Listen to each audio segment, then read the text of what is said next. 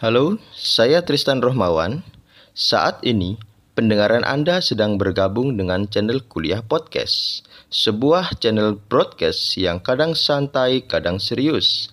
Yang penting, idenya keluar.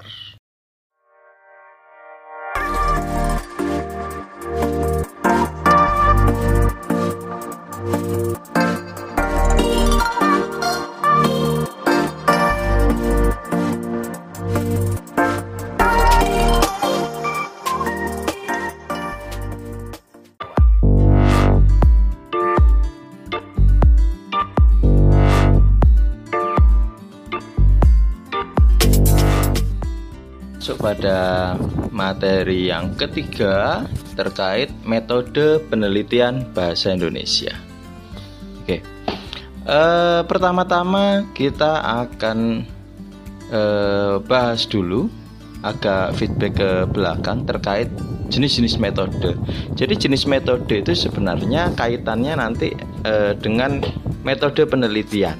Jadi kan yang di pelajaran satu eh, kita sudah membahas ada beberapa jenis eh, penelitian.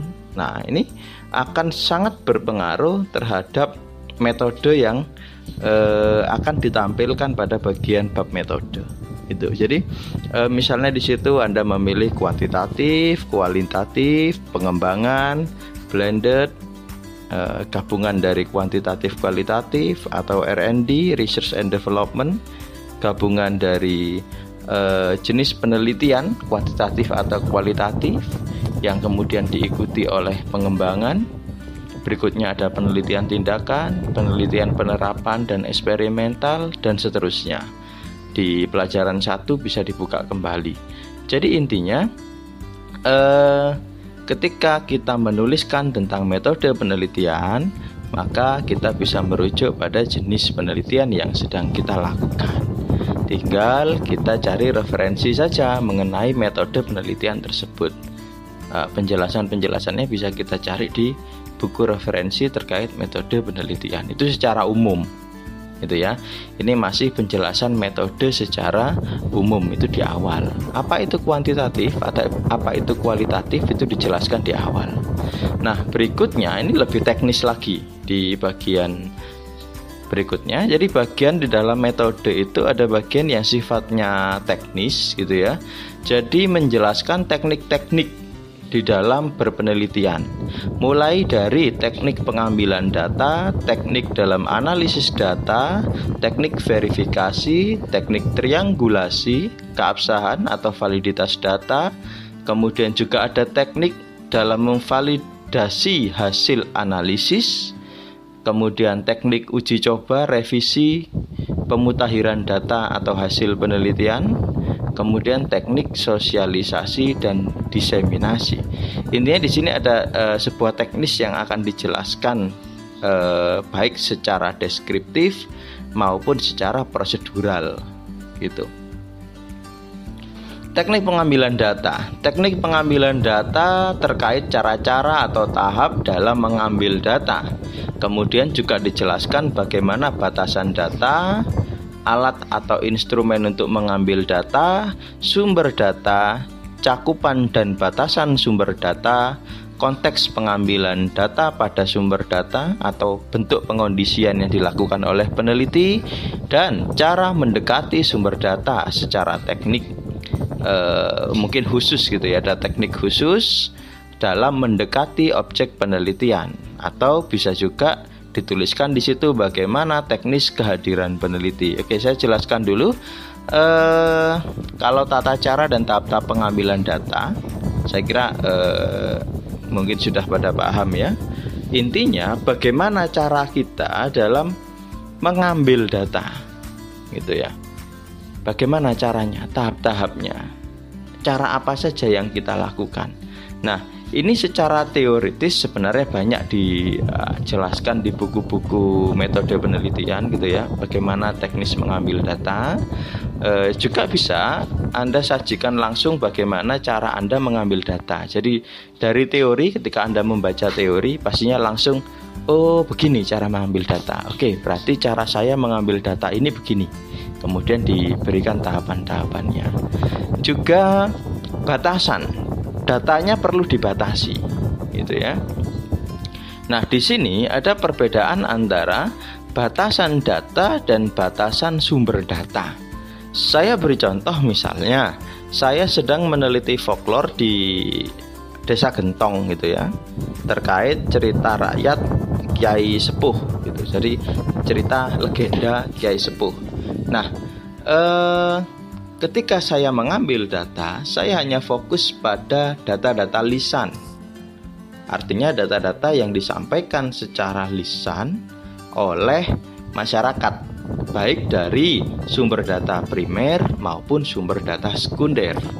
Sedangkan cerita yang non lisan, misalnya saya dapatkan dari apa namanya eh, catatan gitu ya, catatan misalnya ada manakib di situ, ketika hall itu ada yang namanya manakib. Manakib itu isinya biografi e, kiai. Nah ini tidak saya ambil karena saya membatasi sumber data saya hanya pada yang lisan. Gitu ya. Kemudian e, datanya juga hanya pada legenda. Sehingga e, ketika ada cerita tentang e, biografi beliau latar belakang masa kecil beliau di mana, nama orang tua siapa dan lain sebagainya yang sifatnya biografis dan kesejarahan itu saya jadikan data eh, bahan rujukan saja gitu ya bahan pemahaman saja bagi peneliti gitu. tidak sebagai data utama yang nantinya akan saya jadikan bahan penelitian saya hanya fokus pada uh, legenda-legendanya. Artinya uh, bentuk-bentuk fiktif yang dibuat oleh masyarakat. Jadi fiksi masyarakat yang dilisankan gitu ya. Karena sumber datanya harus lisan. Yang tulisan saya jadikan sumber data uh, sekunder. Yang non legenda saya jadikan bahan sekunder. Nah, di antara legenda kiai itu pasti ada juga legenda anaknya, legenda uh, adiknya, saudara-saudaranya, orang-orang di sekitarnya uh, juga uh, ngikut gitu ya di dalam legenda Kiai Sepuh. Nah ini saya jadikan uh, data sekunder, tidak saya jadikan data primer. Saya batasi pada legenda Kiai Sepuh. Nah cukup itu aja, sehingga datanya tidak melebar ke mana-mana. Nah sumber data tadi selain saya apa batasi dari bentuknya, juga saya batasi secara teritori. Saya akan membatasi hanya di eh, sekitar makam, situs makamnya. Jadi saya ambil katakanlah e, teritori memutar gitu ya. Saya ambil peta, kemudian saya jadikan situs makam sebagai titik tengah, kemudian saya lingkari e, dengan jarak 1 sampai 2 km. Nah, itu sudah batasan data saya. Sehingga ketika ada orang di luar e, 3 kilo itu, maka saya akan jadikan data sekunder kecuali dia adalah kriteria eh, apa ya orang-orang yang dalam artian primer gitu ya. Misalnya sumber data primer dalam folklore itu adalah eh, anak-anaknya keturunan langsung dari kiai itu ya yang nantinya akan bisa menyampaikan cerita dengan lebih komprehensif atau mungkin juru kuncinya. Jadi bisa jadi juru kunci ini rumahnya sampai lebih dari eh, 2 kilo tapi juru kunci tetap eh, primer gitu ya. Sedangkan masyarakat umum saya batasi 2 kilo itu jadi memutar.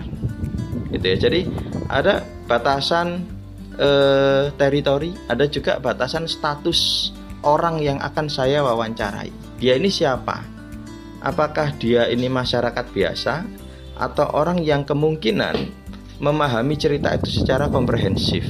Misalnya anak-anaknya, anak-anaknya kiai gitu ya atau misalnya juru kunci atau dulu pernah mondok di eh, pondoknya kiai tersebut.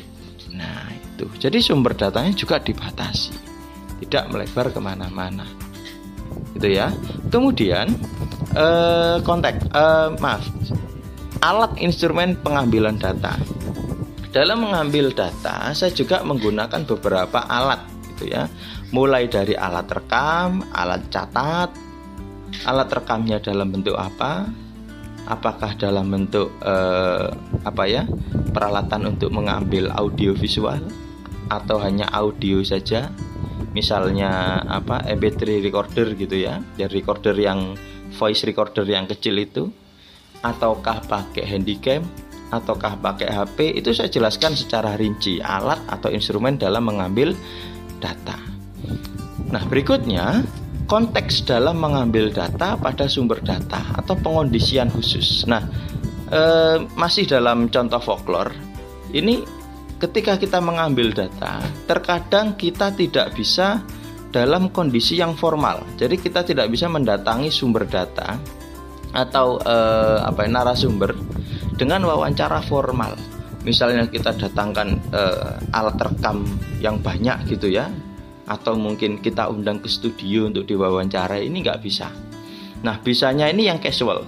Kita datang e, kalau bahasa mereka sowan ya kita sowan ke rumahnya Gus gitu ya atau anak-anaknya Kiai ini tadi atau e, guru ngaji di situ atau ustadz di situ kita wawancara santai. Bahkan jika perlu alat rekam itu disembunyikan karena kalau misalnya ketahuan merekam gitu ya. Nah, ini kadang-kadang ada beberapa e, sumber data yang disembunyikan. Nah, untuk menghindari e, sumber data yang disembunyikan gitu ya, data-data yang sebenarnya penting tapi ditutup-tutupi misalnya, maka mungkin kita perlu pengondisian yang candid gitu ya.